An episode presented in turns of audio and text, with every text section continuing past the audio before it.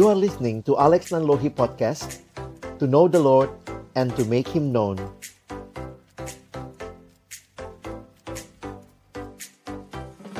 Saatnya nanti pun tak berdaya lagi. Hidup sudah jadi berkat.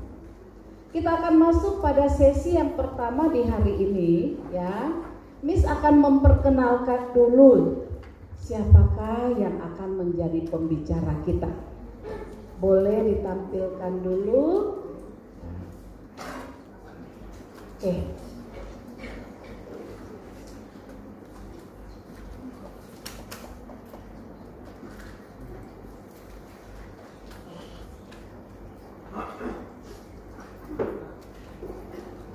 juga. Kevin sudah memberi kode. Oke. Yang menjadi pembicara namanya Bapak Alexander Agus Elias Nanglohi Esos MA panjang amat ya. Oke deh ya.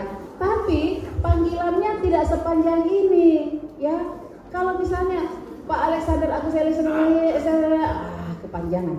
Panggilannya adalah Pak Alex ya hanya nama depan ya Pak Alex oke okay, ya inilah yang akan menjadi pembicara kita apakah ada lagi yang akan ditampilkan Miss Milda tentang beliau nah lihat nih oke okay. ini adalah biografi daripada Pak Alex kenapa Miss masih mendengar suara ya Miss sudah ingatkan tadi loh oke okay. Tempat tanggal lahir Ujung Pandang 16 Januari 74. Kalian tahu di mana kota Ujung Pandang? Hah? Berada di pulau di benua apa? Benua Asia. Berada di pulau apa? Hah? Berada di pulau apa? Nggak tahu. Ada yang tahu pulau apa? Ujung Pandang. Gak ada yang tahu ujung pandang itu ujungnya di pandang-pandang katanya. Ada yang tahu? Ada berapa pulau di Indonesia? Ada berapa pulau di Indonesia? Ada lima, lima pulau. Sumatera, Jawa, Kalimantan, kemudian Sulawesi dan Papua. Kira-kira ujung pandang di Sulawesi ya. Oke. Nah, Kemudian pekerjaan beliau sekarang adalah staf siswa Perkantas Jakarta. Ya, nanti aja tanya sendiri ya apa tuh Perkantas ya nanti ada Pak Alex menjelaskan. Rumah Pak Alex adalah di Kelapa Gading, gerejanya juga di Kelapa Gading. Next. Nah, ini pendidikan yang pernah ditempuh. Jadi eh, di daerah ujung Pandang itu ada sekolah namanya Mamajang kemudian SMP Negeri 6, SMA Negeri 1, kemudian beliau lulusan dari FISIP Universitas Indonesia tahun 97. Kemudian beliau melanjutkan pendidikan lagi di UK tahun 2005. Ya, jadi oke okay, ada lagi, Mister. Nah, pendak inilah riwayat pelayanannya. Ya, apa yang telah dilakukan oleh Pak Alex dan sampai sekarang Pak Alex itu Wakil Sekretaris Jenderal Perkantas Nasional dari Juli 2016 sampai sekarang ini. Ya. Oke, okay, ada lagi? Ah, oke. Okay. Kalau tidak ada, Miss akan memberikan uh, kesempatan kepada Pak Alex. Ya, Miss ingatkan sekali lagi ya, tolong tidak ada yang berisik. Ya, tolong tidak ada yang berisik. Mari kita sambut Pak Alex. Silakan Pak Alex. Ya.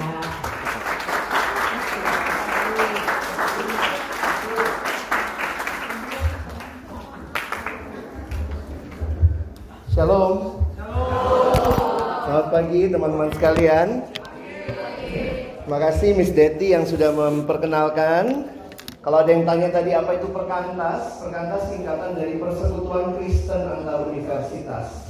Jadi saya melayani banyak di sekolah-sekolah, di kampus-kampus di Jakarta dan juga di beberapa daerah yang lain. Oke? Jadi hari ini Kak Alex bersyukur, kalian boleh panggil saya Kak Alex, Ko Alex boleh ya, asal jangan panggil Om. saya bukan guru, jadi sebenarnya saya nggak terlalu biasa dipanggil Pak. Jadi kalau kalian mau panggil, panggil aja Kak Alex, Ko Alex boleh. dan kita sama-sama akan belajar hari ini tentang Alkitab. Oke, kalian lagi masuk di dalam uh, Bible Exploration dan hari ini sesi saya dimulai dengan mengapa harus Alkitab. Oke, banyak orang yang tidak menyadari betapa pentingnya sebenarnya Alkitab. Kalau kalian punya Alkitab seperti ini, ada yang tahu kira-kira berapa harga Alkitab? Eh, 15 ribu murah. Berapa harga kita? Hmm? Ini Alkitabnya dibeli, dikasih atau gimana nih? Dikasih ya? Berapa kira-kira harga Alkitab? Ada yang punya harganya di belakang? Berapa? Alkitabmu mungkin kayaknya nggak lebih dari 200 ribu ya. Pernah nggak bayangkan nanti kalian akan kunjungi museum Alkitab kalian akan kunjungi percetakan Alkitab, kalian akan melihat sebenarnya Alkitab yang kamu miliki ini sudah banyak disubsidi.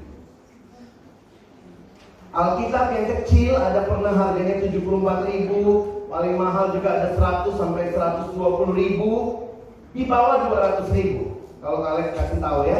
Tapi yang menarik sebenarnya begini ya. Bayangkan ini teknologinya luar biasa loh. Kertasnya setipis ini dicetak bolak-balik nggak tembus.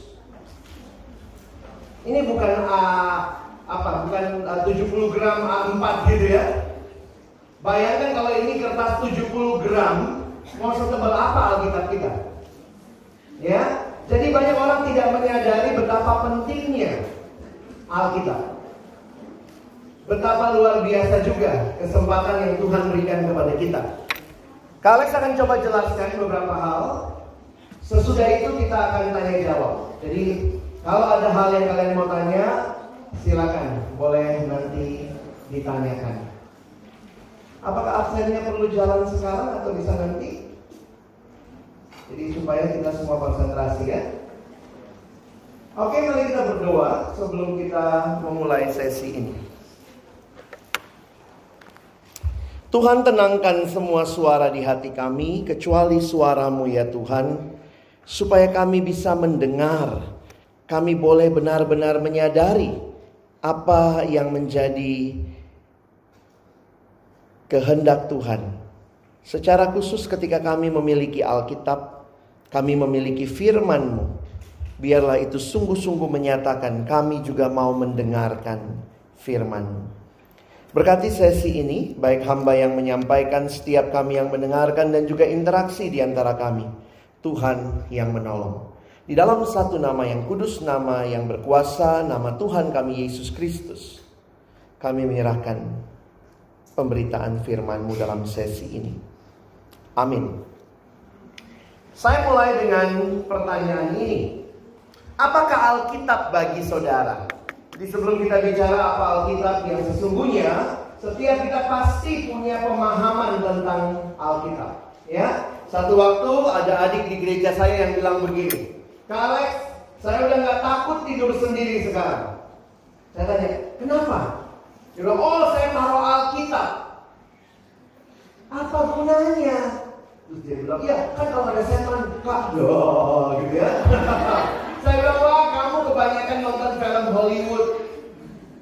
Jadi banyak orang berpikir bahwa saya bilang emang mau, mau diapain? Setan juga kamu gini nembus begitu ya. Jadi banyak orang yang melihat Alkitab ini kayak jimat. Wah ini kalau melawan kalau ada setan nih dimajuin pakai Alkitab begitu. Ada orang-orang yang tidak paham sebenarnya apa sih Alkitab itu. Ada yang bilang Alkitab cuma sekedar buku biasa. Ada yang bilang Alkitab adalah satu buku suci. Saking sucinya nggak pernah dibuka. Takut kan suci banget begitu ya. Untouchable. Oke. Okay. Kalian ingin mengajak kita melihat dulu beberapa fakta. Hari ini saya cuma bicara dua hal. Kalau kalian mau catat cuma dua hal. Pertama, apa itu Alkitab? Yang kedua, apa fungsi Alkitab? Itu aja cukup buat kita mengawali Bible exploration kita.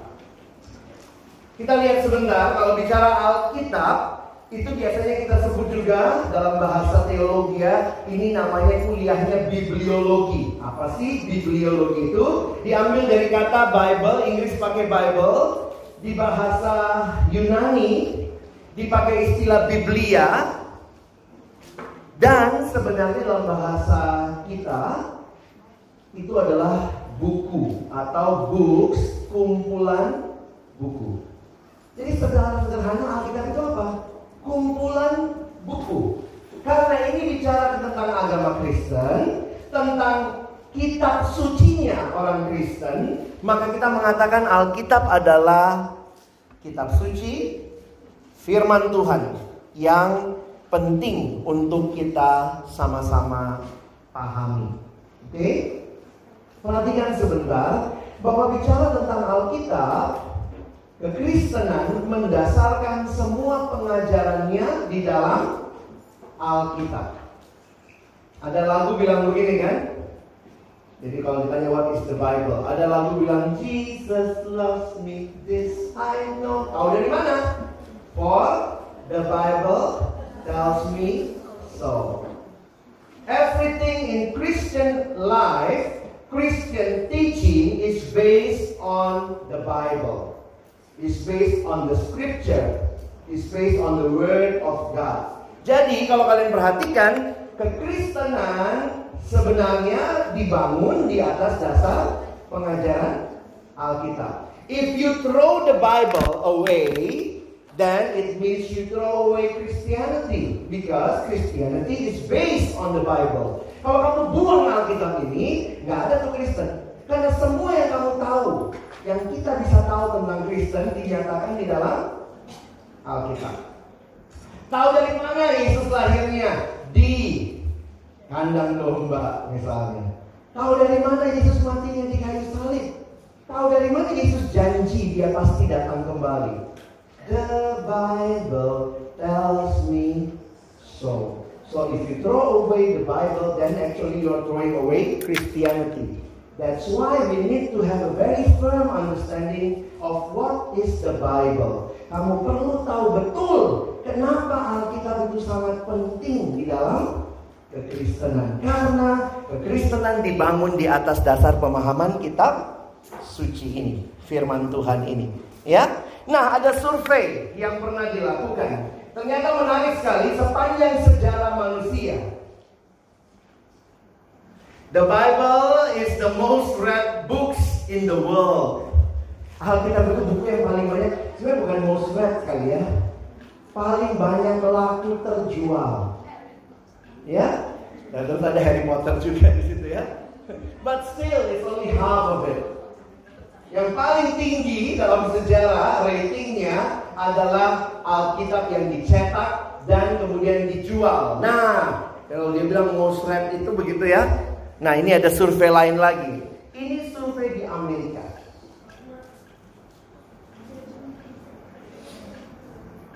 Sekitar 75 orang dewasa di Amerika itu kira-kira 42 persen mengatakan bahwa membaca Alkitab merupakan hal yang sangat penting bagi mereka. Ini survei dilakukan oleh Barna, salah satu survei yang terkenal.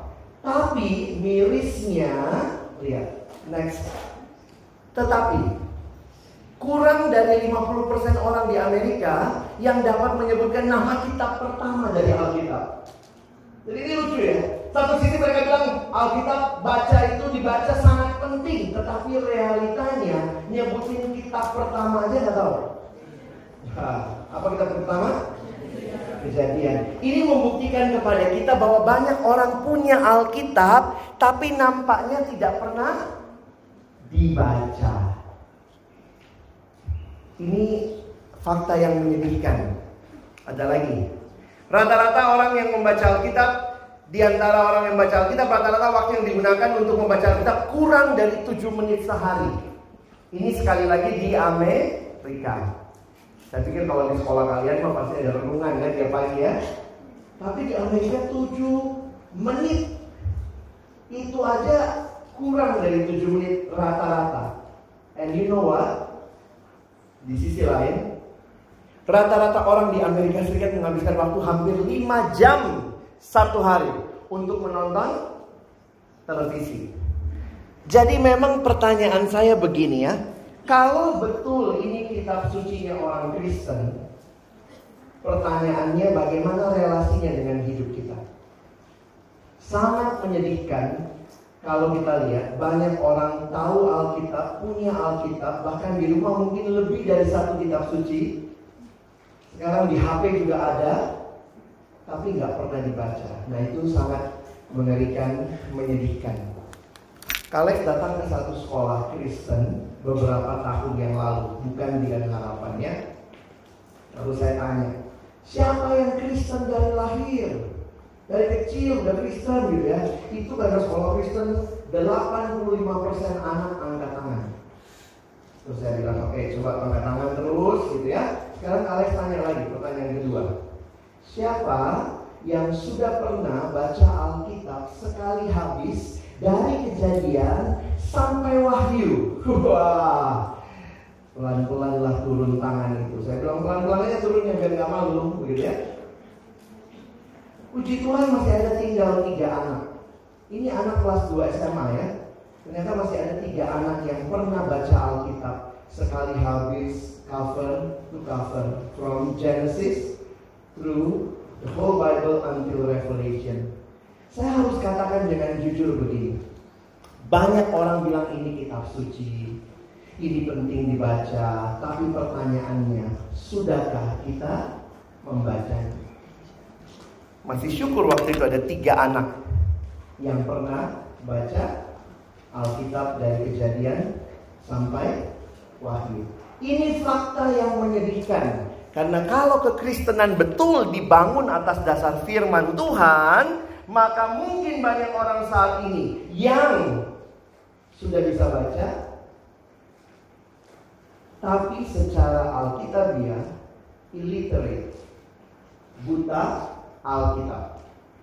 Kita semua orang-orang yang tidak buta huruf, tapi mungkin banyak juga yang masih bergumul berjuang untuk kenal Tuhan melalui firman Tuhan dan karena itulah kita harus belajar juga betapa pentingnya firman Tuhan bagi hidup kekristenan kita. Nah, ini ada data lagi. Tahun 2012, Scripture Assess, uh, assess Statistic. Jadi sebenarnya menarik juga ya. Di dunia itu yang punya complete Bible. Jadi di setiap negara ada yang namanya Bible Society. Kalian nanti akan mengunjungi LAI. Di Indonesia namanya Lembaga Alkitab Indonesia. Tapi sedunia, jadi setiap negara ada Bible Society. Sedunia mereka bergabung namanya United Bible Society. Nah ini data yang kita lihat complete Bible. Jadi di dunia Alkitab yang lengkap dalam bahasa yang accessible itu ada 518 terjemahan. Ini terjemahan lama ya, ini tahun 2012. Jadi uh, complete Bible. Jadi karena begini, ada yang cuma punya perjanjian baru toh. Ada yang cuma punya perjanjian lama aja. Ada bahkan beberapa ada yang cuma punya Injil apa. Kenapa? Karena memang tidak murah menerjemahkan Alkitab. Nanti kalian akan lihat besok dalam perjalanan kalian bagaimana Alkitab diterjemahkan dan seterusnya. Tapi saya harus katakan bahwa the complete Bible itu cuma 518 bahasa sedunia. Itu accessible untuk 4,9 juta billion. Yang cuma New Testament ada lebih banyak bahasanya, hanya bagian dari sebuah bukunya. Dan jadi kira-kira yang bisa baca atau yang punya akses membaca Alkitab hanya 514 million.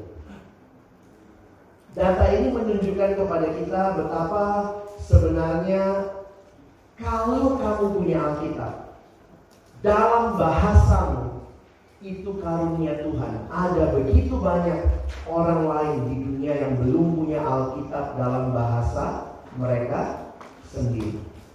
Sehingga ada kalimat yang Alex kutip. Lihat kalimatnya ya. Orang yang mempunyai Alkitab tetapi tidak membacanya, sama aja dengan orang yang tidak punya Alkitab. Dan ini pertanyaan penting buat kita. Kalau kita punya Alkitab, pertama syukuri ada Alkitab dalam bahasamu sendiri, bahasa Indonesia kita punya, tapi jangan lupa dibaca atau tidak. Oke? Saya mulai dengan pertanyaan pertama.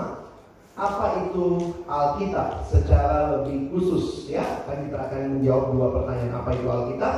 Apa fungsinya Alkitab? Kalau kita akan mulai dengan ini ya. Adakah yang bisa menebak ada apa di kantong celana kanan saya? Uang. Gila tipis amat duit gua. Ada yang mau nebak gak? Ada apa di kantong celana kanan saya? Dompet. Masa dompetku tipis amat? Hah? HP. Kok HP di sini? Ini apa ini? Sok kosong. Oh kosong. Berarti saya bohong gitu ya? Enggak. Ada apa di kantong celana kanan saya? Tas. Kertas. Hampir betul. Uang. Bukan. Kertas tapi bukan uang. Tisu. Alkitab. Udah, udah, udah, udah. Amplop. Coba lihat bentar. Mobil. Gile. Cek gitu ya. Oke. Saya tunjukkan ya. Saya tunjukkan. Di kantong kanan celana saya ada ada kartu nama saya. Bener ya? Kenapa? Saya mau kasih tahu begini. Teman-teman bisa nggak nebak apa yang ada di kantong saya? Sebenarnya kan bisa aja ya. Bisa bener nggak tebakannya? Bisa aja. Tapi kamu pasti tahu apa di kantong celana saya hanya kalau saya kasih tahu. Perhatikan ya. Kamu bisa tahu persis apa di celana saya, di kantong saya kalau saya kasih tahu. Perhatikan, itu prinsip penting tentang Alkitab. Alkitab bukanlah tulisan manusia. Alkitab ini jadi bukan manusia mikir-mikir-mikir-mikir eh lalu ketemu Allah. Tidak. Tetapi Alkitab adalah penyataan diri Allah bagi manusia. Saya ulangi ya. Di dalam Alkitab Allah menyatakan dirinya kepada manusia. Istilah penyataan beda sama pernyataan. Kalau kalian belajar teologi itu dibedain. Penyataan sama pernyataan. Jadi Allah menyatakan dirinya. God reveal himself. Nah, di dalam bahasa Alkitab, reveal himself itu namanya revelation. God reveal. Jadi sebenarnya revelation itu artinya begini. Contoh, kalau ada sesuatu yang tersembunyi, tadinya tertutup, lalu dibukakan, disingkapkan, itu namanya reveal, revelation. Memang bahasa Indonesianya pakai istilah wah, wahyu. Kadang-kadang kalau wahyu kalian langsung mikirnya wahyu itu kayak wow, dibukain begitu ya. Wahyu itu sebenarnya adalah Allah mengungkapkan dirinya. Allah menyatakan dirinya. Sama kayak tadi, kalian nggak pernah tahu ada apa di kantong saya secara persis sampai ke Alex kasih tahu. Jadi Alkitab adalah wahyu Allah. Penyataan diri Allah. Allah menyatakan dirinya melalui firman-Nya, melalui Alkitab. Oke, itu konsep pertama yang harus teman-teman pahami. Lihat di depan. Alkitab adalah wahyu Allah atau revelationnya Allah atau bahasa Indonesia yang tepat penyataan diri Allah. Wahyu artinya reveal, revelation, menyingkapkan misteri ilahi. Nah, di dalam kekristenan kita mengetahui ada dua macam wahyu. Pertama wahyu umum. Waktu orang lihat alam, orang langsung bisa ingat, uh ada Tuhan. Makanya disebut wahyu umum melalui ciptaan Allah menyatakan dirinya. Kalau kalian pergi ke gunung misalnya, pergi ke samudra yang luas, kalian lihat langit yang luar biasa, kalian langsung akan takjub. Wow, ada yang cipta. Pasti itu tercipta. Tidak mungkin ada dengan sendirinya. Makanya jujur aja ya, kalau bicara teori-teori dunia sekarang, coba misalnya kalian tanya begini. Kalau kamu tanya, ini namanya Mike. Siapa yang cipta? Bisa nggak saya bilang gini, tadi malam Mike ini nggak ada, loh tiba-tiba pagi ini ada. Siapa yang cipta? Lo ada yang cipta kan? Nggak mungkin nggak ada yang cipta. Kita nggak mungkin bilang oh itu tiba-tiba ada. Makanya orang saya pikir sangat bodoh kalau orang mempertanyakan ada Tuhan atau tidak. Tuhan sebagai pencipta itu pasti ada. Kenapa? Karena sebuah barang tidak mungkin jadi tanpa pencipta. Atau lebih gilanya lagi saya bilang apa? Oh, Mike ini semalam dicipta sama pointer ini. Percaya nggak? Bisa nggak? Bisa percaya? Nah, pointer ini tadi malam ciptain Mike ini. Kalau kamu percaya ada, goblok juga kamu. Bodoh juga ya. Wow, kalau pointer menciptakan Mike. Itu yang banyak sekarang dipercayai. Oh, bahwa dunia ini diciptakan oleh tubrukan, benda-benda tabrakan, lalu terciptalah dunia. And then the question, siapa yang ciptakan benda yang tabrakan itu? Makanya jujur aja, saya bukannya karena saya Kristen aja, tapi karena saya punya otak bingung aja kalau bilang ada Big Bang, Big Bangan. Teori Big Bang. Kamu yang ada Big Bang di otakmu. Kok bisa gitu ya? Kamu aja bilang sepatu saya tadi malam tercipta sendiri, nggak bisa. Tubrukan antara sepatu papa dan sepatu mama, lahirlah sepatu saya. Gitu. Gitu ya. Jadi kalau kita lihat ciptaan, kita langsung bisa tahu ada Allah. Nah lihat yang kedua, di dalam kekristenan kita mengenal wahyu khusus. Kalau wahyu umum, semua agama punya, semua agama karena itu tahu ada Allah. Saya coba pakai istilah yang sederhana begini. Wahyu umum hanya memberikan kita awareness there is a God creator. Wahyu umum dalam bahasa Inggrisnya dipakai istilah general revelation. General revelation only reveal to us and give us awareness that there is a God creator. Hanya memberikan kesadaran ada pencipta. Tapi tahu dari mana pencipta itu seperti apa, apa yang dia lakukan, dari mana dia apa yang dia karyakan. We know all of that from special revelation. Special revelation, wahyu khusus adalah Allah menyatakan dirinya melalui interaksinya dengan umatnya dan dalam diri Yesus yang akhirnya dicatat di dalam kitab suci. Makanya lihat judul paling atas. Apa itu Alkitab? Alkitab adalah wahyu Allah. Kita coba lebih jauh lagi ya. Alkitab berarti adalah wahyu khususnya Allah.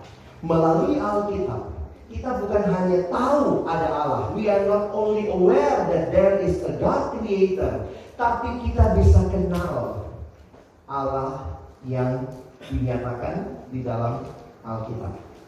Oke? Okay?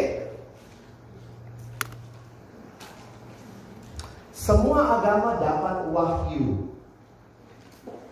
Khususnya bukan semua agama ya, mungkin saya perlu pakai istilah begini. Ada tiga agama besar yang mengaku dapat wahyu. Islam, Kristen, Yahudi.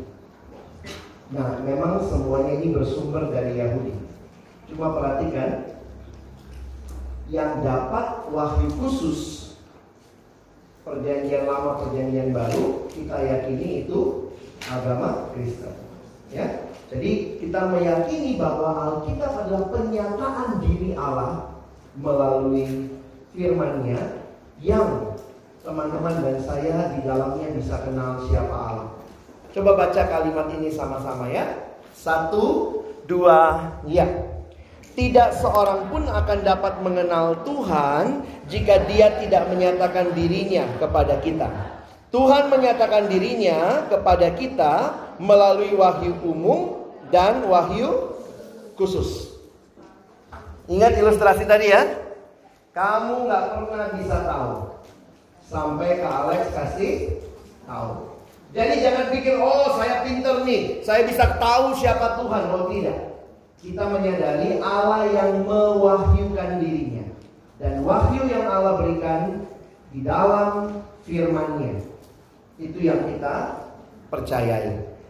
Karena itu, nah ini ada konsekuensi yang menarik. Coba lihat kalimatnya. Seorang bernama John Stott dia menulis buku The Bible Book for Today. Dia kalimatkan begini.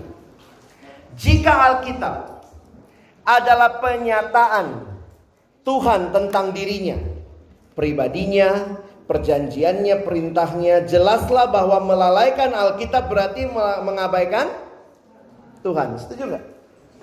Kan Tuhan nyatakan diri.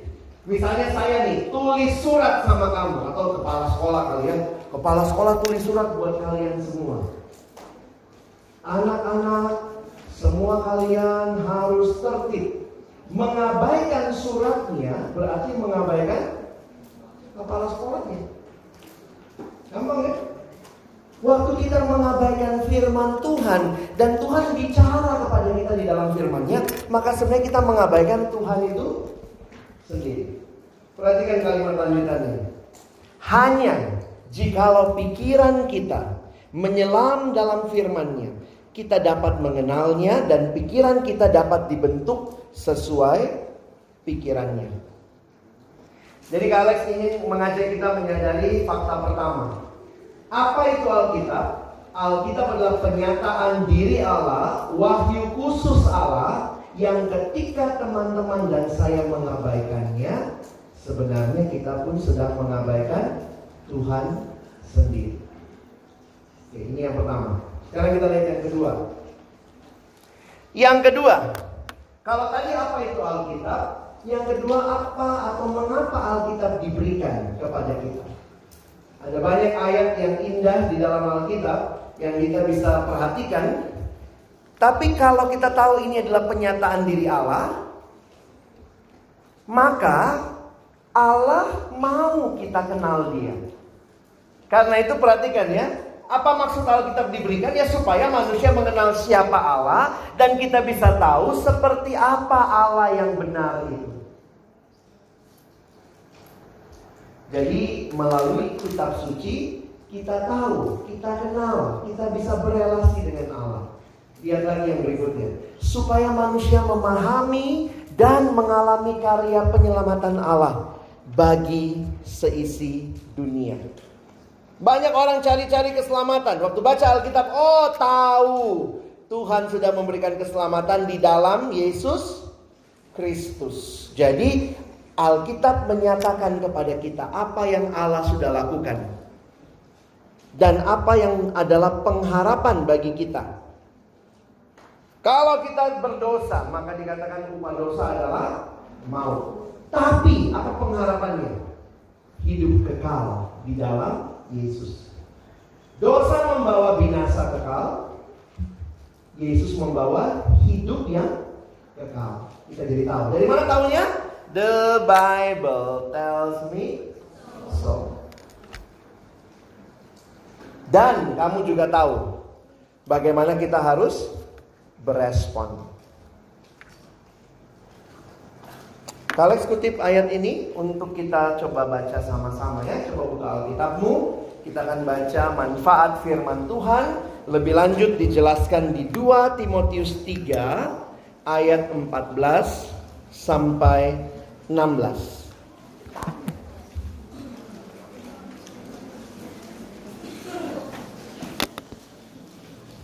Yuk teman-teman, kalau sudah ketemu kita baca bergantian.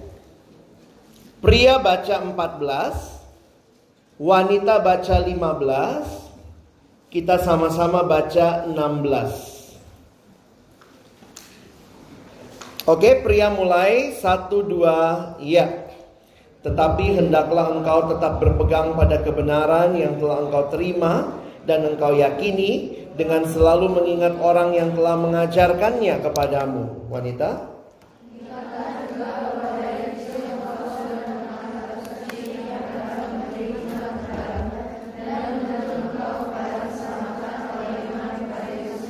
Sama-sama. Segala tulisan yang diilhamkan Allah memang bermanfaat untuk mengajar, untuk menyatakan kesalahan, untuk memperbaiki kelakuan, dan untuk mendidik orang. Paulus tulis surat kepada anak rohaninya Timotius. Dan dalam surat ini Paulus mengingatkan Timotius, ingatlah kamu dari kecil sudah mengenal kitab suci. Apa gunanya? Kita lihat gitu ya. Di dalam ayat 16 tadi. Kalian coba simpulkan begini ya. Pentingnya kitab suci.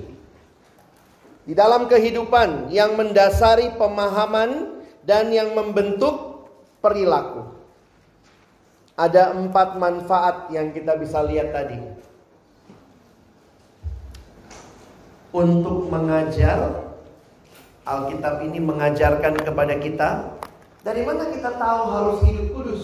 Kalau baca Alkitab, diajarkan kepada kita untuk menyatakan kesalahan. Tahu dari mana membunuh itu salah? Harus ada standarnya, patokannya. Tahu dari mana? Dari Alkitab. Kenapa tidak boleh membuli teman? Ya, the Bible tells me so. Untuk menyatakan kesalahan kita, memperbaiki kelakuan kita, dan juga untuk mendidik orang di dalam kebenaran. Makanya kalau kamu tidak serius dengan firman Tuhan, saya pikir kalian juga akan tidak serius dengan hidupmu. Atau sebaliknya, kalau kamu serius dengan firman Tuhan, maka hidupmu pun akan mengalami banyak pembaharuan. Karena ini janji firman Tuhan. Makanya ada satu siswa yang pernah datang sama saya lalu komplain. Kak Alex agak malas baca Alkitab. Kenapa? Kok semuanya tentang saya? Kenapa emang?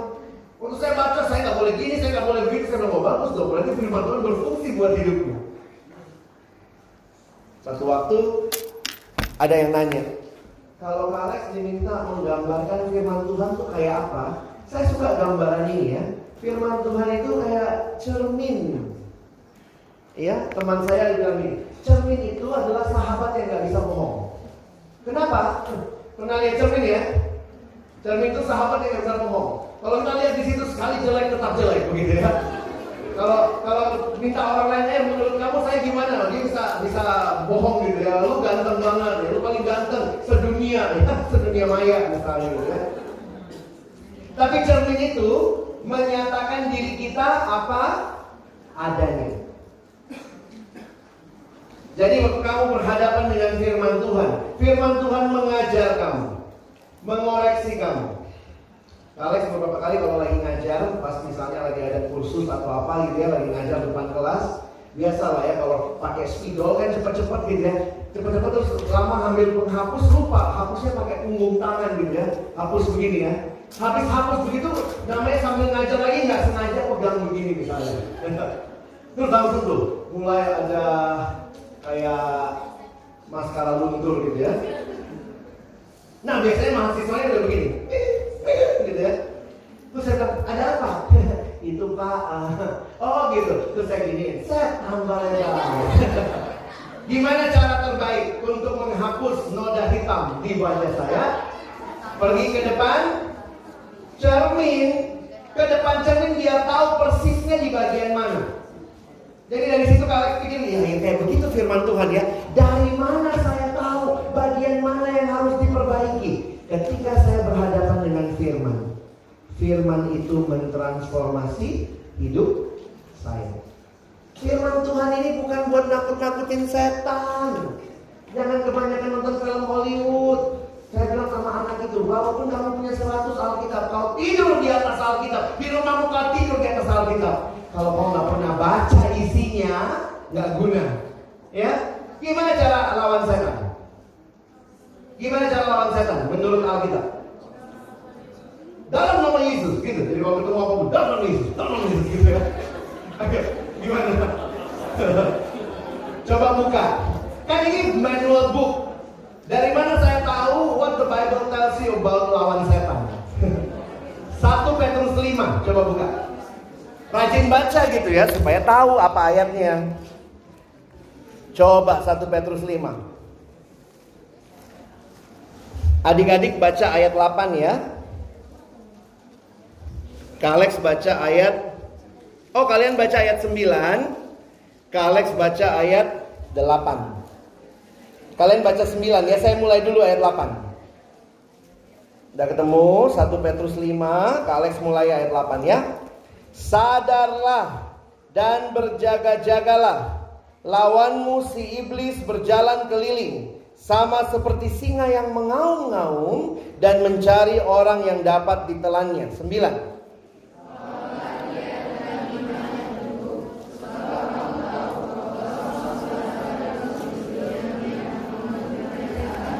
Lawannya pakai apa? Pakai apa? Iman yang teguh. Dari mana iman timbul? Roma 10 ayat 17. Coba lihat ya, bener nggak ya? Coba lihat dari mana iman timbul.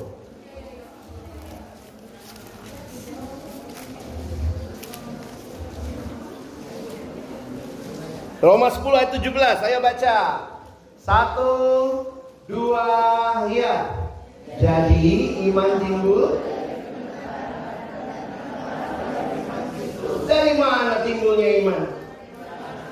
Baca dan renungkan firman. Jadi iman itu yang melawan setan. Kalau kamu bilang dalam nama Yesus tapi tidak beriman, itu kayak mantra, sama aja. Asal Yesus, dalam nama Yesus, dalam nama Yesus. Gak ada gunanya. Tapi kalau kamu yakin, dalam nama Yesus, Keluar kau iblis. Wah. Dari mana saya tahu Yesus sanggup melawan si iblis? Kalau saya baca, saya renungkan firman Tuhan. Jadi bukan di fisik Alkitabnya. Ada yang bilang, oh jadi kalau saya punya Alkitab, makin besar Alkitabnya, apakah makin besar imanmu? Enggak. Bagaimana caranya Alkitab ini bermanfaat? Buka, baca.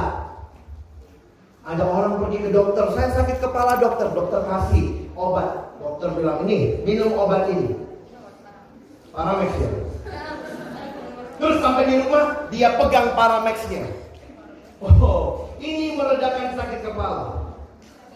Dia pegang Paramexnya, dia tidak buka bungkusnya. Dia nggak minum, dia pegang doang. Oh, sembuh sakit kepala gitu. Oh, kurang keras pegangnya. Taruh di dada. Oh, sembuh sakit kepala. Nenek-nenek juga tahu. Dibuka. Dijilat. Gitu. Gimana dong caranya? Buka.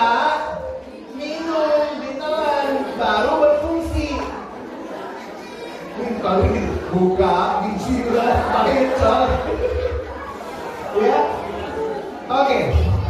Jadi teman-teman, Kalex harap kalian ngerti hari ini ya. Bukan fisik Alkitabnya. Ada yang bilang saya kalau ke toilet kan malam-malam kalau takut di rumah, saya bawa Alkitab. Emang gunanya apa? Oke, kita lanjutkan ya. Ini ada kalimat yang menarik. Mazmur 119 ayat 9. Yuk kita baca sama-sama ya. Satu, dua, ya. Dengan apakah seorang muda mempertahankan kelakuannya bersih? Ayo, gimana caranya supaya hidup kita kudus? Kalian kasih contoh satu waktu di gereja saya ada seminar tentang bahaya pornografi pada anak. Jadi waktu itu saya diundang bahaya penggunaan gadget pada anak usia dini sebenarnya itu temanya. Ya, jadi waktu ditanya biasalah yang hadir waktu itu orang tua. Jadi ada orang tua yang nanya, jadi Kak Alex bagaimana caranya supaya anak saya tidak formal-formal Pak? Saya bilang hati-hati, batasin penggunaan HP. Jadi Kak Alex kasih tips ya, hati-hati batasi penggunaan HP. Soalnya ini pada anak SD.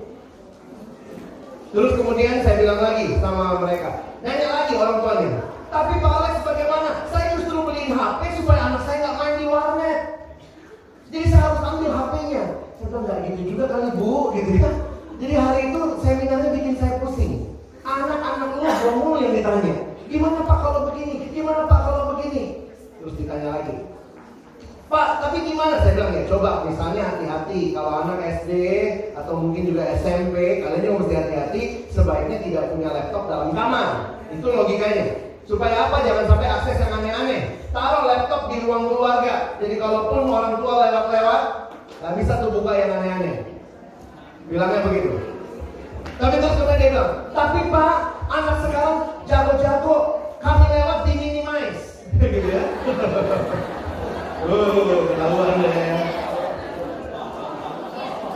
Jadi, orang tuanya terus tanya sama Kalex, tapi Kalex gimana? Tapi Kalex gimana? Terus dia tanya begitu.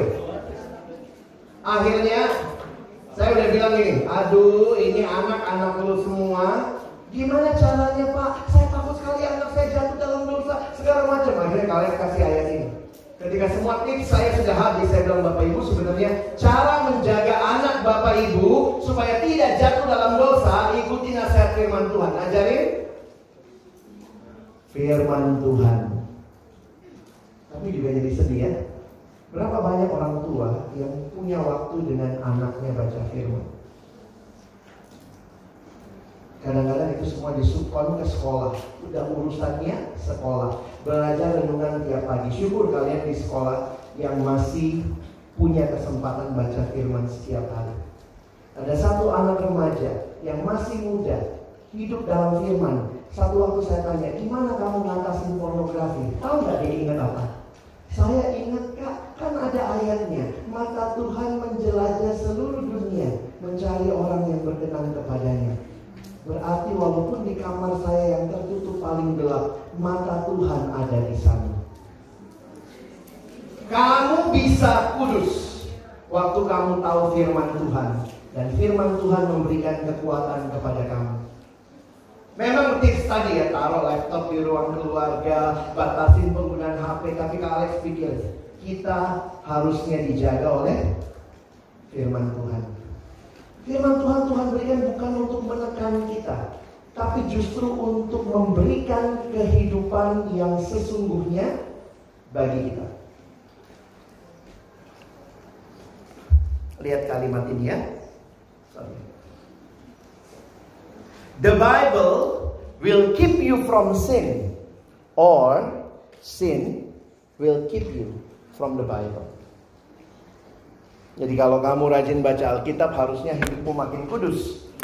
Tapi kalau kamu makin hidup dalam ketidakbenaran, kamu makin malas baca Alkitab.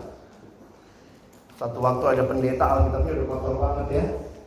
Saya dulu juga punya Alkitab yang Alkitab dari Alex masih SMA gitu ya. Itu bisa uh, apa? Ini yang lepas-lepas gitu. Udah sobek-sobek. Jadi ada anak muda katanya dia protes sama pendetanya. Pak pendeta, Alkitabnya jorok.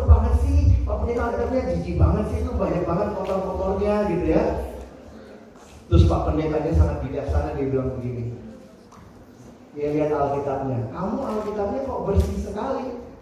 Masih baru Pak. Padahal jarang dibuka. Terus kemudian pendetanya bilang, Alkitab saya yang kotor ini telah membersihkan hidup saya. Bagaimana dengan Alkitab? Wow, itu keren banget ya. Blok gitu ya. Jangan cuma senang punya Alkitab yang bersih. Kadang-kadang kalau kamu dapat ayat, kamu coret, kamu garisi Tuhan terima kasih. Ini menolong saya. Alkitab harusnya membuat hidup kita makin kudus. Ya. Nah, ingat juga nih ya, ada kalimat begini. Kita baca sama-sama. Satu dua ya. The Bible was not given for our information, but for our ada orang yang senang cuman baca Alkitab demi kuis Alkitab. Wah, jadi dia tahu semua. Yesus lahir di mana? Bethlehem. Yesus mati di mana? Di Golgota. dia bisa tahu semua tempat. Tetapi kalau kamu cuma tahu informasi, that the information is not going to do anything in your life. You need more than just information. Kita butuh relasi.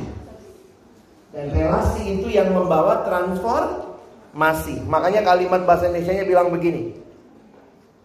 Alkitab, membaca Alkitab tidak dimaksudkan untuk sekadar menambah pengetahuan, tapi mengubah kehidupan. Kalau kamu baca Alkitab, renungkan itu, hidupi itu, bukan sekedar supaya pengetahuanmu bertambah. Satu orang lagi nih, Kak Alex kutip, namanya Hans Gurki. We don't read the Bible atau the Holy Scripture in order to store up knowledge, but in them, with a loving heart, we seek the face of our loving Lord. Kita mau waktu baca Alkitab, kita makin kenal Tuhan. Kita makin cinta kepadanya. Kenapa? Karena Alkitab adalah penyataan diri Allah. Tapi di sisi yang lain, kalau memang Allah adalah Allah yang juga kudus, Allah yang adil, maka pada saat yang sama harusnya membaca Alkitab membawa kita dalam perubahan hidup. John Stott mengatakan kalimat dalam bahasa Inggris begini. We must allow the word of God to confront us to disturb our security, to undermine our complacency, and to overthrow our patterns of thought and behavior. Kadang-kadang ada orang cuma senang ayat-ayat yang bikin dia happy.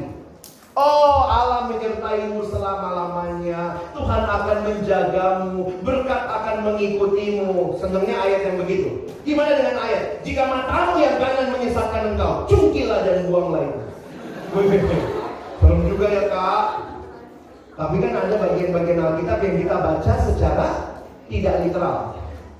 Jadi ayat-ayat seperti itu sebenarnya menegaskan apa? Pentingnya hidup kudus.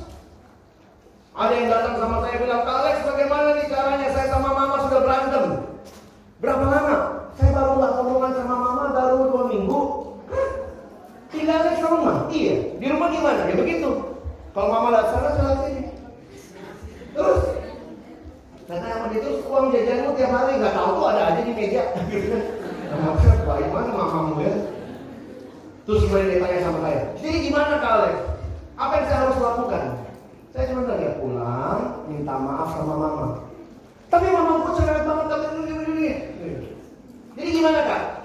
Pulang, minta maaf sama mama. Tapi kalau mama gue yang salah pulang kak. Jadi, jadi gimana kak? Pulang, saya pikir anak budek atau apa gitu ya. Pulang, minta maaf sama mama. Waktu kalian pada perhatian emang ya.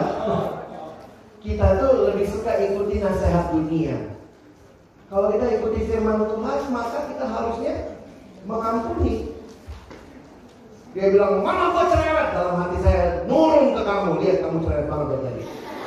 Banyak orang gitu, tunjuk mama gua cerewet. No, ada tiga yang menunjuk ke sini. Ya, maka waktu kita baca firman Tuhan kita dapat nasihat. Ampunilah seorang akan yang lain.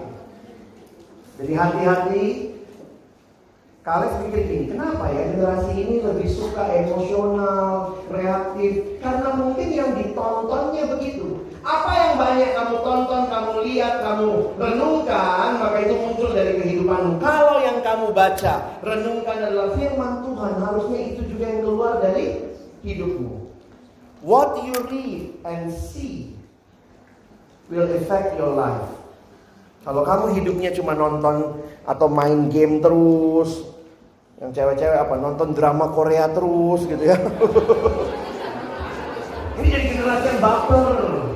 Bukannya nggak boleh, boleh main game, boleh, tapi jelas jangan kecanduan.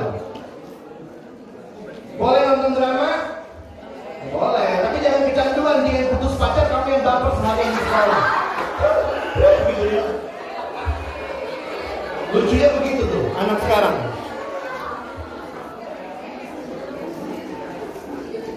Oke, sebagai penutup sebelum kita tanya jawab ya. Kalian senang dengan satu gambar ini diberikan atau dibuat oleh seorang bernama Dawson Trotman. Bapak Dawson Trotman memberikan sebuah ilustrasi. Dia mengatakan bangun hidup rohani spiritual dengan Tuhan dia menggambarkan hidup rohani orang Kristen yang taat itu seperti roda. Makanya ini disebut ilustrasi roda. Roda itu yang muter sebagian mananya? Sebenarnya yang muter itu porosnya, sumbunya. Jadi di pusat hidup dia katakan harus ada Yesus. Pastikan, sudahkah kamu terima Yesus dalam hatimu? Tapi bukan cuma itu, dia menggambarkan setelah terima Yesus ada dua relasi yang harus dibangun. Dia gambarkan dengan jari-jari. Pertama, jari-jari yang vertikal, itu hubungan dengan Tuhan. Lalu yang kedua, jari-jari yang horizontal, itu hubungan dengan sesama. Dari saya ngomong ke Tuhan itu namanya doa. Ngomong sama Tuhan kan? Tuhan ngomong sama kita melalui firman. Makanya dari sekolah minggu kita udah tahu bagaimana bertumbuh adik-adik. Baca kitab suci, doa tiap hari kalau mau. Nah gimana baca kitab suci doa tiap hari nggak? Syukur kalau di sekolah tiap hari ya. Tapi kalau hari Sabtu baca nggak? libur, libur gitu ya. Harusnya firman Tuhan ini menjadi bagian hidup kita tiap hari. Ada satu waktu nanti kalian tidak ada lagi devotion pagi. Mungkin kalian masuk ke kampus, ke universitas, tidak ada yang pagi-pagi mari kita devotion dulu. Tetapi kalau kamu sudah terbiasa punya satu disiplin setiap pagi, mungkin kalian rasa di sini, aduh masuk devotion ngantuk-ngantuk dengerin missnya ngomong, sernya ngomong. Tapi saya pikir itu satu hal yang satu waktu nanti kamu rindukan. Mari serius, baca kitab suci doa tiap hari. Lalu kemudian dia gambarkan dengan relasi yang horizontal. Itu relasi dengan sesama. Dia bagi dua. Sesama orang percaya kita harus rajin bersekutu.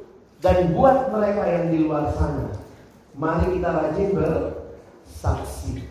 Jadi saya pikir gambar ini menolong kita, mengingatkan kita bahwa kita butuh Tuhan dan itu nampak dalam relasi kita dengan dia dan juga relasi kita dengan sesama. Jadi Kak Alex harap melalui sesi ini mengapa harus Alkitab? Pertama, karena Alkitab adalah wahyunya Allah. Allah berkenan berbicara kepada kita. Jangan sombong. Tuhan, aduh saya malas baca Alkitab. Kenapa? Seberarti kamu tidak peduli dengan suaranya Tuhan. Tapi yang kedua, ingat, Alkitab itu berguna buat dirimu, buat hidupmu, memimpin kamu ke depan. Teruslah baca renungkan firman Tuhan, itu menolong pertumbuhan. Ya? Oke, Kak Alex berhenti di sini. Ada kesempatan tanya jawab. Ada kertas mungkin yang dibagi. Bapak Ibu guru bisa tolong atau adik-adik silakan kalau ada yang mau bertanya berkaitan dengan tema ini atau mungkin hal yang lain silakan ya. Tidak tertutup kemungkinan.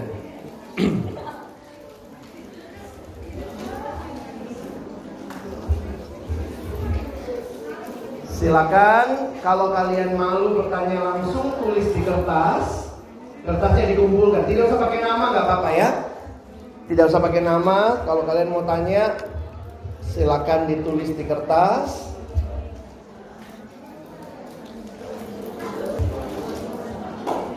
Bagi yang mau bertanya langsung boleh ya Kak Alex? Boleh. Ya boleh. Kalau bertanya langsung boleh ya sebutin namanya ya. Eh, nama saya Rafin. Nama saya Arafin. Rafin. Ya. Oke, Rafin Saya silakan. bertanya apa tanggapan eh, Kristen terhadap teori evolusi? Hmm, Thank you.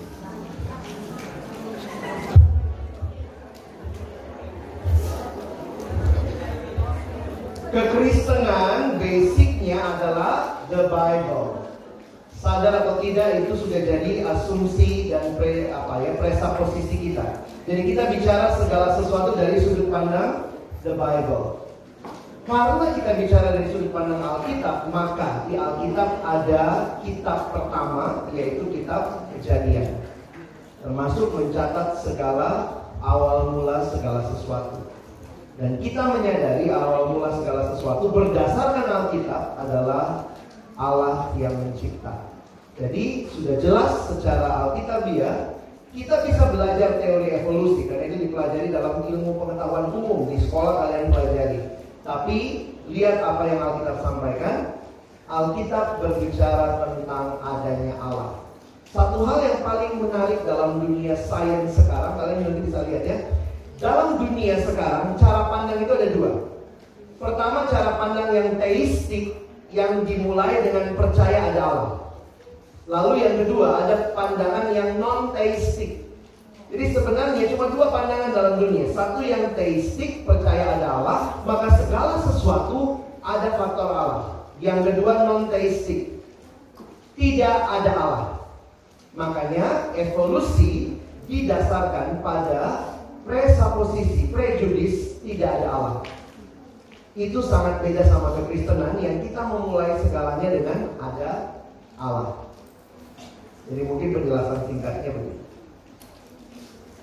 Ada lagi yang mau tanya langsung atau kertasnya kalau sudah masuk?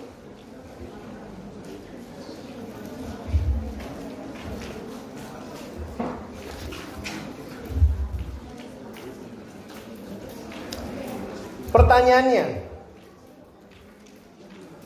jika kita diciptakan oleh Tuhan, berarti Tuhan diciptakan oleh siapa?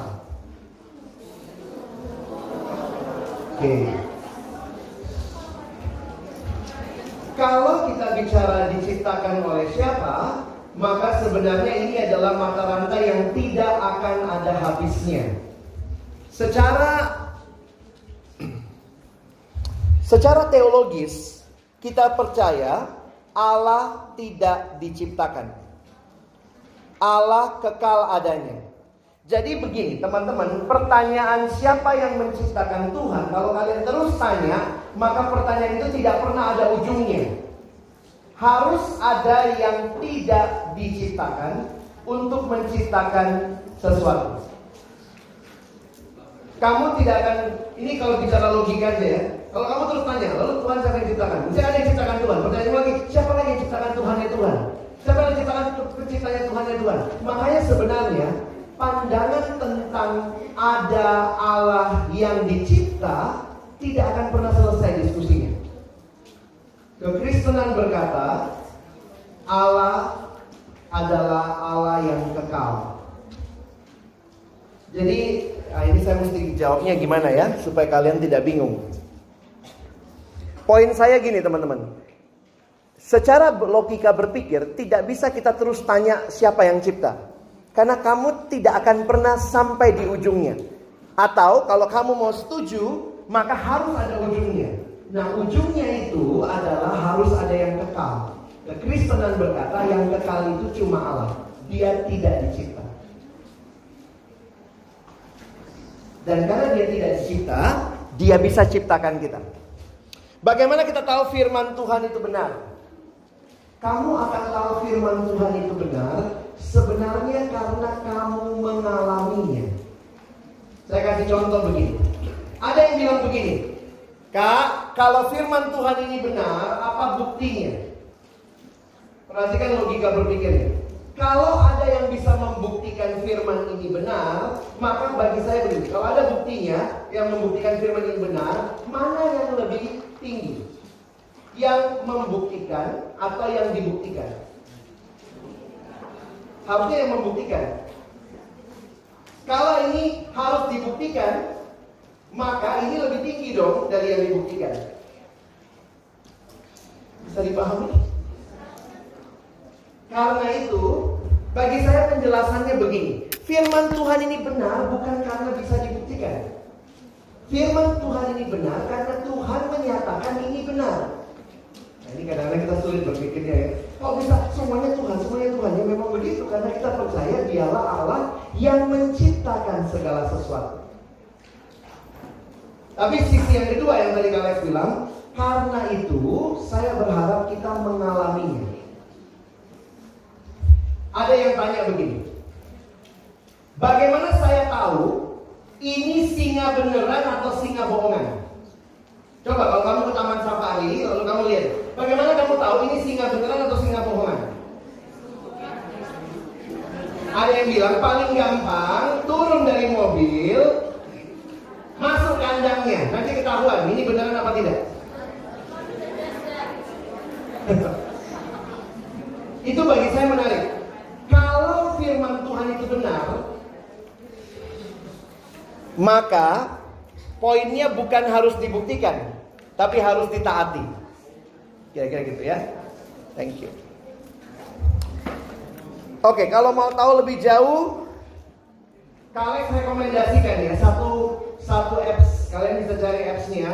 Semua yang kalian tanya itu ada di apps itu. Appsnya namanya ada pertanyaan. Ada pertanyaan. Apps cari di Google Store nanti, Google Play.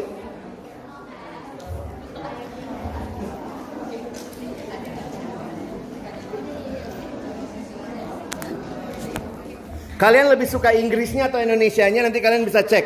Ada namanya God Question. God Question itu Inggrisnya, Indonesianya ada pertanyaan. Jadi daripada bingung nanti appsnya, kalian lihat ya. Judul appsnya ada pertanyaan atau God Question Inggrisnya. Bisa coba cari. Hampir semua pertanyaanmu tadi ada di sana.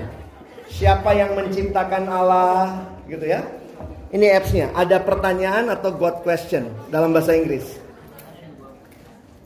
Kalau mau Indonesianya ada, Inggrisnya lebih banyak karena belum diterjemahkan semua ke Indonesia. Ini appsnya ada pertanyaan atau God question. Ya, nanti silakan boleh cari. Kalau kalian tertarik, God question ada pertanyaan. Ya,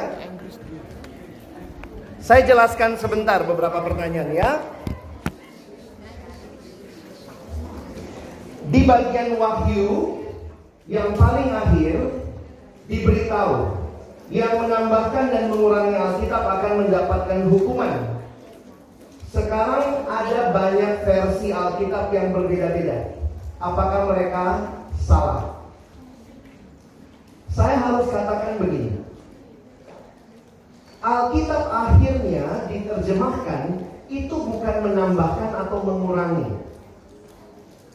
Yang dikatakan menambahkan atau mengurangi itu bukan masalah terjemahan, tetapi masalah substansinya. Misalnya, Alkitab bilang Yesus bakal datang kedua kali. Terus kamu bilang, oh dia nggak bakal datang. Nah itu yang dimaksudkan menambah atau mengurangi. Bukan masalah terjemahan. Bagaimana dengan terjemahan? Di dalam hidup, kita semua pasti menerjemahkan. Kenapa Alkitab ada banyak terjemahannya? Saya pikir terjemahan ini tidak mengurangi isinya. Lihat spektrum penterjemahan. Nanti besok kalian kalian tanya di LA ya, tapi saya jelasin sedikit aja. Di dalam terjemahan itu selalu ada yang namanya terjemahan literal, satu terjemahan bebas. Satu sangat literal, satu bebas. Di tengah-tengahnya dinamis. Contohnya begini. Kan tidak gampang menerjemahkan misalnya gini. Coba kalian terjemahkan bahasa Inggris ya. Ini saya tes Inggrismu nih. Tadi malam saya masuk angin, lalu saya dikerokin, lalu sembuh. Ayo, bahasa Inggrisnya apa? Last night, last night. The wind, the wind. The wind enter me. you wanted it. Last night, the wind came into me, and then I asked someone to scratch my body. Gampang nggak nerjemahinnya? Nggak gampang ya? Susah ya? Perhatikan kalian sebentar. Perhatikan sebentar.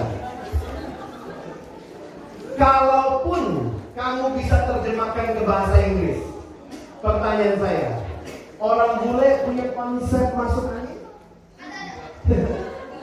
konsep masuk angin kan kalau kita apa? Ih, saya dimasukin angin. Sebenarnya apa sih konsep bulenya? Ada nggak orang bule dikerok? Jadi begini, even ini prinsip pembelajaran. even you can you can translate it, but still there is culture thing. Karena itu, waktu menerjemahkan Alkitab, sering kali ada faktor budaya yang sulit untuk diterjemahkan. Karena itu, ada beberapa penerjemahan. Contoh, kalian tahu belum bapak kami? Nah, ayo, kalau bapak kami dalam bahasa Inggris. Give us today our daily bread. Bahasa Indonesia menerjemahkan apa? Makanan kami. Kenapa? Karena kalau pakai bread itu makanannya Yesus. Yesus dan budayanya makannya bread. Kamu makannya, artinya kan berikanlah kami our daily rice. Makanya kan tidak gampang menerjemahkan. Sehingga buat teman-teman yang nanya soal penerjemahan, beberapa terjemahan mencoba melihat. Ada terjemahan yang sangat literal. Berikanlah kami roti kami yang secukupnya. Kenapa? Karena Inggrisnya bilang atau bahasa aslinya bilang bread. Tapi ada yang bilang kita nggak pakai terjemahan breadnya, kita pakai makanannya. Nah itulah kayak Alkitab kita. Jadi kalaupun banyak terjemahan itu hanya memberikan nuansa penafsiran, tidak mengubah, tidak mengurangi arti. Kenapa manusia perlu ada? Apakah untuk menghibur Tuhan? Karena Tuhan tidak butuh apa pun. Dia tidak butuh manusia, bumi dan lain-lain. Thank you pertanyaannya. Ini pertanyaan eksistensi. Ada ada kalimat begini, saya jelaskan dari sudut yang lain Allah ciptakan manusia, Allah kan mulia. Nah ada ayat bilang begini, Tuhan menciptakan manusia untuk kemuliaannya. Yesaya 43 ayat 7. Tuhan menciptakan manusia untuk kemuliaannya. Sekarang kalian tanya, apakah Allah kurang mulia? Lalu ciptakan kita untuk memuliakan dia mulia, mulia, lalu dia tambah mulia. Tidak. Kenapa? Allah sudah mulia? Sudah. Itu mirip kayak begini. Kalian pernah lihat cermin tadi ya? Coba kalau ada cermin besok atau nanti siang kamu keluar, ada matahari terik bersinar, kamu arahkan cerminmu ke matahari. Lalu kamu ngomong, Mak, saya tambahin ya sinarnya. matahari tambah terang nggak? Matahari tambah terang nggak kalau kamu arahkan sinar begini? Nambah? Enggak. Oh kurang banyak. Kamu satu sekolah semua, semua cermin di toilet dikeluarin, arahkan ke matahari. Matahari tambah terang? Tidak. Kenapa? Matahari sudah terang.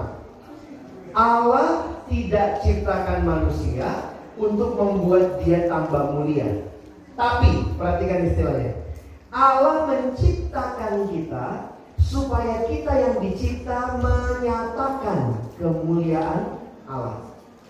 Jadi harusnya waktu Allah menciptakan kita itu, kita ini hidup merefleksikan kemuliaan Allah. Karena itu ingat, kita disebut gambar dan rupa Allah. Teman-teman ada yang saya berapa kali kalau Alex pergi ke sekolah, pernah saya pelayanan satu SMP. Di depan kelas, di sini nggak ada ya. Di depan kelas selain burung garuda ada siapa berdua? Presiden sama wakil presiden. Waktu itu saya tanya begini, adik-adik mana presiden kita? Terus menunjuk itu, itu. Kalau itu presiden kita, numpang tanya di sekolahmu berapa presiden? Karena setiap kelas punya satu. Itu presiden atau bukan? Itu bukan presiden, itu cuma fotonya, cuma gam gambarnya. Tapi itu gambar siapa? Gambar presiden. Jadi ingat, kalau dikatakan manusia gambar Allah, harusnya manusia itu menggambarkan siapa? Allah. Gambar Allah berarti bukan Allah. Jangan salah ya. Manusia bukan Allah. Ada yang misalnya gitu, pacar lu mana? Langsung dia buka dompet. Ini pacarku. Ih, tipis selamat pacarmu. Itu bukan pacarmu, itu cuma gambarnya. Manusia gambar Allah berarti manusia bukan Allah. Tetapi manusia harusnya mewakili Allah. Jadi kalau orang lihat hidup kita, siapa yang harusnya dia lihat? Ada lagu itu. Kulihat di wajahmu kemuliaan Raja, ku kasihi kau dengan kasih Tuhan. Kalau kamu gambar Allah, harusnya kamu melalui hidupmu makin menyatakan Allah. Ada nggak teman di kelasmu? Ih, Allah banget sih kau. Belum ya? Kalau belum terjadi kamu gambar siapa dong? Jangan-jangan kalau orang lihat hidupmu, dasar lu anak setan. Berarti lebih mirip siapa? Kesetananmu lebih lebih kelihatan ya. Jadi Allah tidak menciptakan kita untuk menghibur dirinya, tetapi untuk kita menyatakan kemuliaannya. Kalau berdoa sama baca Alkitab, sungguh-sungguh. Dosa bakal hilang atau hanya memudar? Wah, menarik pertanyaannya ya. Terima kasih. Alkitab berkata, upah dosa adalah maut. Kalau kita percaya Alkitab katakan keselamatan dalam Kristus, maka waktu saudara dan saya terima Yesus dalam hidup kita, Allah berkata, hukuman dosa sudah diselesaikan. Tapi masih mungkin nggak manusia yang sudah diselamatkan jatuh dalam dosa? Masih mungkin. Jadi saya harus katakan begini untuk pertanyaan ini ya. Ini bukan masalah memudar tidak memudar. Perjuangan melawan dosa sesudah kita selamat pun itu perjuangan seumur hidup. Firman Tuhan menolong kita, memberikan arahan kepada kita bagaimana kita hidup supaya tidak terus-menerus dalam dosa. Coba perhatikan satu ayat ya. 1 Yohanes 3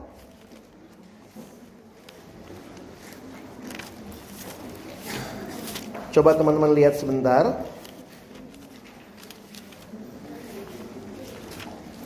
1 Yohanes 3 ayatnya yang ke-10.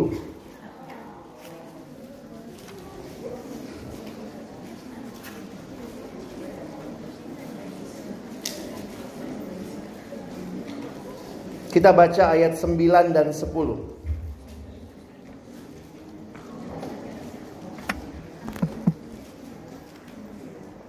Satu Yohanes 3 ayat 9 dan 10. Yuk kalau sudah ketemu kita baca sama-sama ya. Satu dua ya. Setiap orang yang lahir dari Allah tidak berbuat dosa lagi, sebab benih ilahi tetap ada di dalam dia, dan ia tidak dapat berbuat dosa karena ia lahir dari Allah.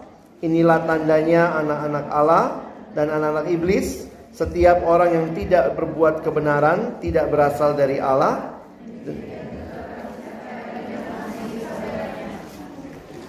Teman-teman, Kak Alex coba bacakan bagi kalian di dalam terjemahan yang lain.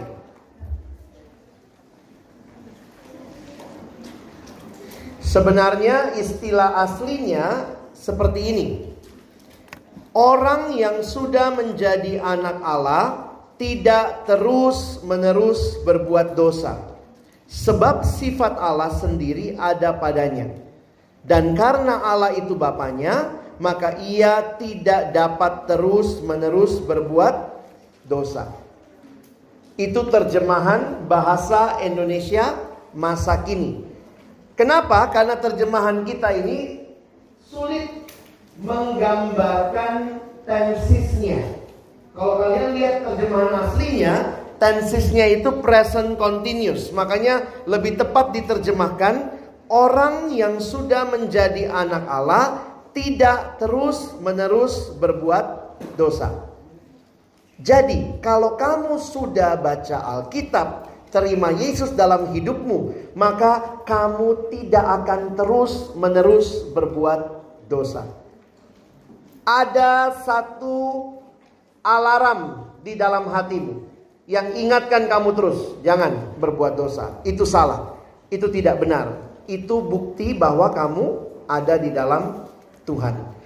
Jadi baca Alkitab tidak menghilangkan dosanya, tetapi membawa kamu ketemu juru selamat yang menolong kamu bisa mengatasi dosamu.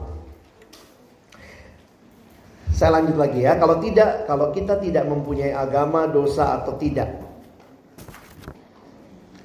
Agama itu masalah relasi dengan Tuhan. Buat teman yang bertanya ini, Kak Alex cuma mau ingatkan, kamu harus satu waktu biarlah dalam perjalanan imanmu kamu berjumpa dengan juru selamat yang sesungguhnya. Ada yang mengatakan begini, sebenarnya tidak ada orang yang tidak punya agama. Agama itu kan masalah percaya. Sekarang begini, dalam hidup kamu percaya nggak sama sesuatu? Pasti kamu percaya. Apa pun itu, walaupun kau bilang saya nggak punya agama kak, tapi ada yang kau percayai. Misalnya, kau percaya sama dirimu sendiri. Jadi bisa juga orang agamanya itu apa? dirinya. Nah makanya buat saya begini, kiranya kamu terbuka, belajar sungguh-sungguh dalam waktunya Tuhan, biarlah kamu akhirnya menaruh percayamu kepada satu-satunya Tuhan dan Juru Selamat yang benar. Ini perjalanan iman, saya nggak bisa maksa. Kamu mesti pilih agama sekarang, tapi kamu kiranya dalam perjalanan imanmu bertemu dengan Tuhan, ya. Kenapa di saat kita ketakutan malam hari, kita mengambil Alkitab rasanya aman dan damai? Di saat banyak sekali problem, apakah benar itu membuat kita menjadi orang baik? Sebenarnya kalaupun fisiknya, jadi dalam kekristenan ada simbol. Misalnya kita punya simbol salib tapi mana yang lebih penting? Simbolnya atau apa yang disimbolkan? Apa yang disimbolkan? Jadi sebenarnya kalau suka mikir ini, ketenanganmu harusnya tidak datang dari fisik Alkitabnya. Tapi dari keyakinan bahwa yang menyatakan firmannya adalah Allah. Jadi saya harap sih jangan kamu Beberapa orang kan pakai kalung salib, kenapa? Lebih tenang kak saya bilang sih jangan karena kalungnya yang membuat kamu tenang, tapi karena siapa yang disimbolkan di kalung itu. Tuhan, Juru Selamat.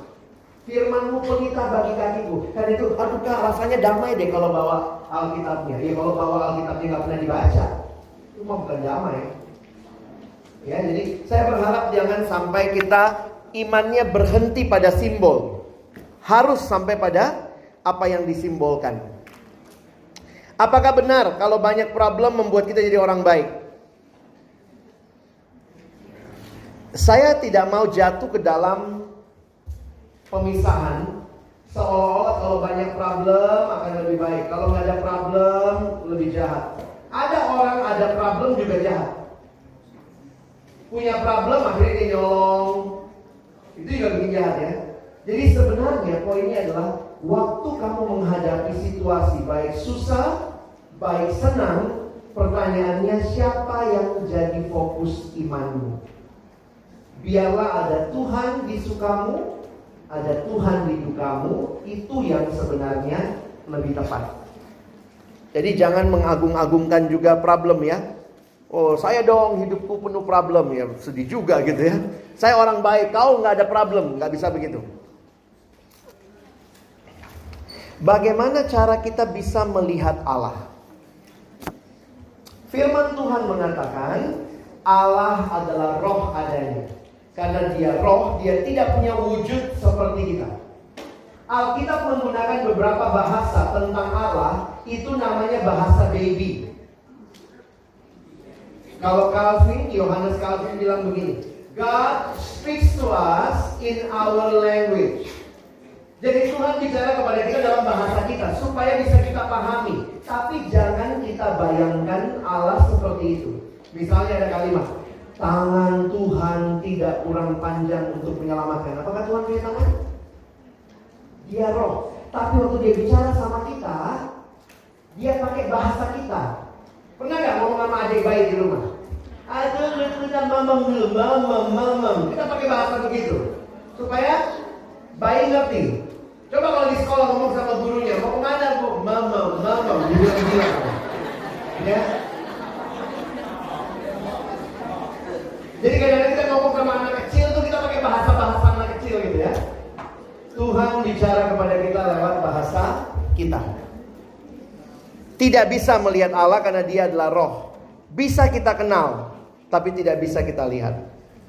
Menurut ajaran Kristen, orang ada yang dikehendaki masuk ke surga dan neraka lalu bumi. Bukankah bumi diciptakan oleh Allah untuk ditinggali manusia? Sorry, saya agak bingung pertanyaanmu ya. Tapi intinya begini. Allah menciptakan dunia ini untuk kita hidup di dalamnya. Nah, di dalam penghayatan ini, saya yakin kita pun menyadari doa Bapa kami itu kalimatnya begini. Datanglah kerajaanmu di bumi seperti di surga. Jadi akhirnya ini ini memang masalah pertanyaan. Surga itu di mana? Ada yang bilang, oh surga itu di bawah telapak kaki ibu. Kristen tidak ada konsep surga seperti itu. Surga adalah tempat kehadiran Allah secara penuh. Contoh, kadang-kadang jangan selamanya membayangkan surga itu tempatnya saja, tapi hadirnya Allah secara penuh di dalam istilah yang kita mengerti, surga ada di sana. Contoh, kalau kita doa begini, ini biar kalian coba pikir sebentar ya. Kita suka doa gini. Coba deh kalian tanya dulu, mana lebih gede? Gajah atau kandang gajah? Kandang gajah ya. Jadi kalau kita bilang gajah sama gajah di dalam kandang, mana yang lebih gede? Gajahnya apa kandangnya? Kandangnya kan. Nah, sering kali tanpa sadar kita punya konsep begitu. Coba kalau kamu doa, Bapa kami yang ada di surga. Berarti mana gede? Surga apa Allah? Nah, mikir nggak? Bapa kami yang ada di surga, gedean surga dong daripada Allah. Itu karena konsep kita Allah dibatasi tempat, tidak. Karena itu surga bisa di dalam penghayatan tempat, tetapi jauh lebih dalam, surga adalah kehadiran Allah yang penuh memberkati. Ada yang nanya, surga itu di mana kak? Ke sana atau di sini? Ini masalah bumi. Saya lihat doa Bapak kami, datanglah kerajaanmu di bumi seperti di surga. Jadi bagi Kalex sebenarnya bukan masalah di mana nanti. Yang paling penting yang kita hayati karena sampai sekarang teologinya juga berantem. Surga itu di mana? Di sana, di sini, di sana, di sana gitu ya. Buat saya bukan masalah tempatnya yang penting, tetapi menghayati kehadiran Allah secara penuh dalam berkatnya karena kita percaya kepada Dia. Ada surga, Kristen bilang ada.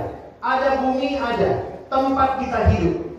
Di mana kita hidup, kita percaya pada Tuhan. Dan kemudian nanti apa yang terjadi? Semua yang percaya akan bersama Tuhan selama-lamanya. Itu janji firman Tuhan. Di mana itu? Still perdebatan. Tapi yang jelas bersama Tuhan selama-lamanya. Jika Tuhan tahu masa depan, mengapa Tuhan membiarkan rencananya gagal dan membiarkan anaknya yang tunggal mati? Saya bukan Tuhan, jadi saya juga nggak tahu gitu ya. Tapi contohnya begini, orang yang ciptakan mobil tahu nggak mobil bisa tabrakan? Terus kenapa dicipta?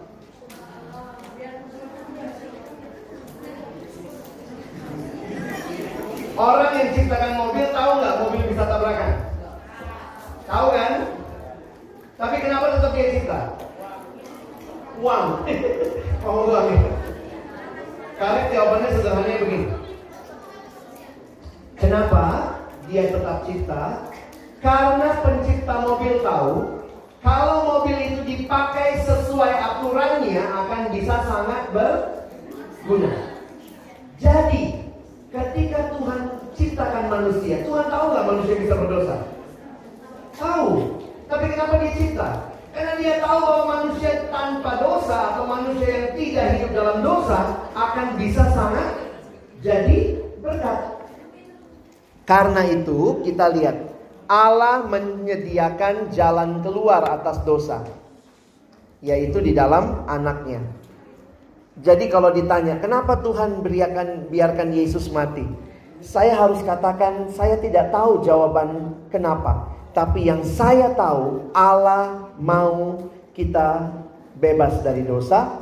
Karena itu cara yang dia tempuh dia berikan anaknya. Mati bagi kita.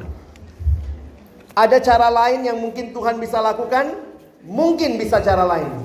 Tapi Allah memilih mati bagi kita. Terakhir ya.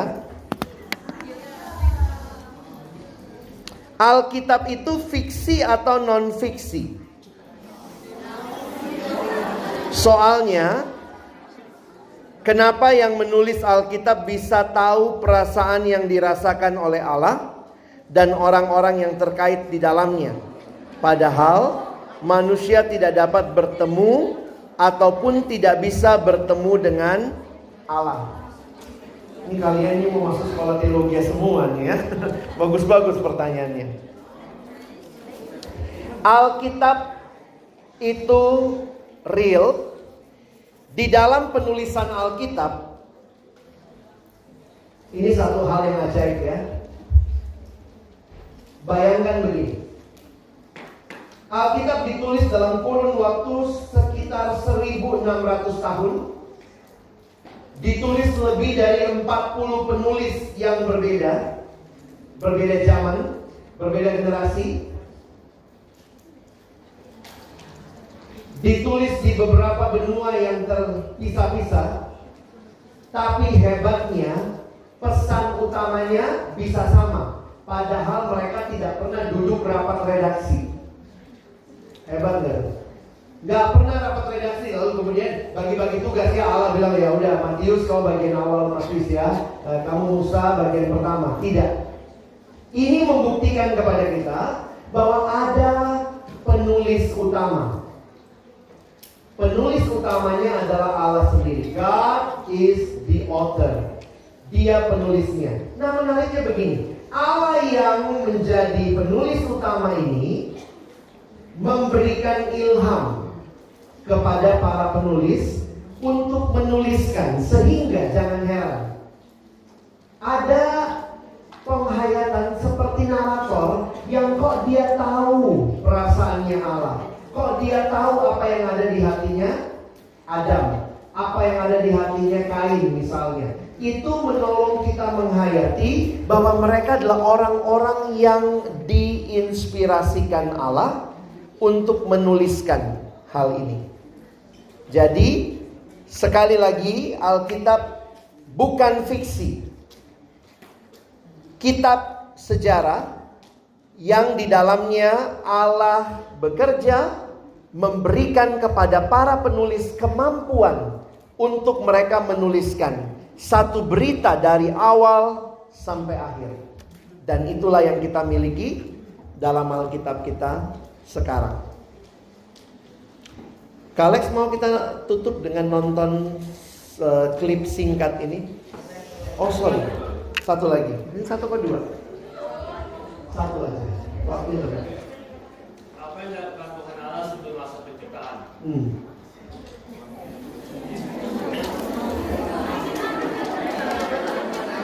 Alkitab kita, dengar ya. Alkitab kita itu dituliskan atau Alkitab itu mencatat peristiwa mulai dari penciptaan. Jadi, kalau ditanya apa yang Allah lakukan, kita tidak punya jawaban dari Alkitab.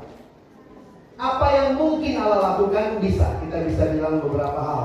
Misalnya, bagaimana dengan penciptaan iblis atau penciptaan malaikat? Itu tidak ditulis. Alkitab dimulai dengan penciptaan bumi dan semua yang materi. Makanya dalam teologi biasanya kami menyebutnya begini. Yang Alkitab diam, kita diam. Karena apa? Kita semua sumbernya dari Alkitab. Jadi kalau ditanya, apa yang Allah lakukan sebelum kejadian satu? Kita nggak bisa bilang apa-apa. Yang jelas, karena Allah kekal, maka Allah ada. Apa yang mungkin terjadi sebelum itu, semua harus dipakai kata mungkin. Paling tidak di situ jangan lupa ada ciptaan lain adalah malaikat. Lalu bagaimana malaikat jatuh itu tidak ditulis karena Alkitab begitu ditulis adalah buminya yang dicipta. Jadi kita nggak tahu. Ada banyak hal Tuhan tidak kasih tahu. Misalnya ada yang nanya siapa nama istri Lot. Kita nggak tahu namanya. Kita iseng siapa nama istri Lot cari tahu cari tahu. Lagi kita berdoa nama istri Lot nyolot, ya nyolot. Kita tahu. Makanya prinsipnya begini. Yang Alkitab bicara kita tahu. Yang Alkitab diam kita diam. Itu sikap yang rendah hati supaya kita tidak sok jadi pencipta. Kira-kira begitu kali ya. Eh, kita semua tahu kan kalau Adam dan Hawa itu manusia pertama, terus anaknya Kain eh, membunuh Habel, terus siapa yang melanjutkan keturunan? Kain nikah sama siapa? Kok bisa begitu? Hmm. Thank you. Aduh. Buka nanti di rumah buka ada pertanyaan atau buat question ya. Tarik jawabnya sederhana begini. Dengerin dulu. Di dalam konteks waktu itu, nama anak yang dicatat hanya nama anak laki-laki. Apakah Adam Hawa punya anak perempuan? Punya, mungkin punya, atau pasti punya lah ya. Dan masa itu perkawinan sedara masih belum dianggap aneh. Jadi, secara teologis kita harus katakan, Kain dan Habel menikah dengan adiknya sendiri. Itu logis.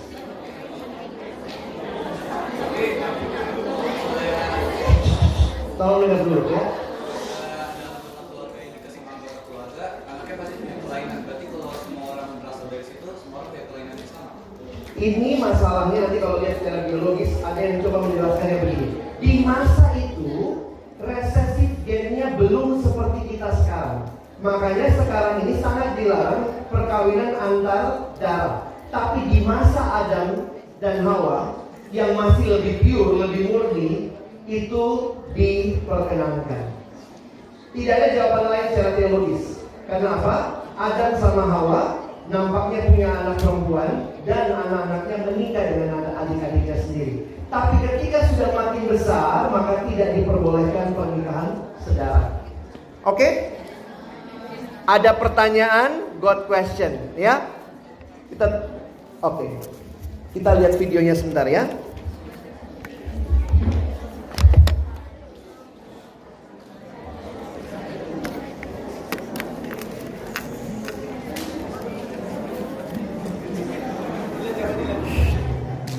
Boleh diredupkan lampunya.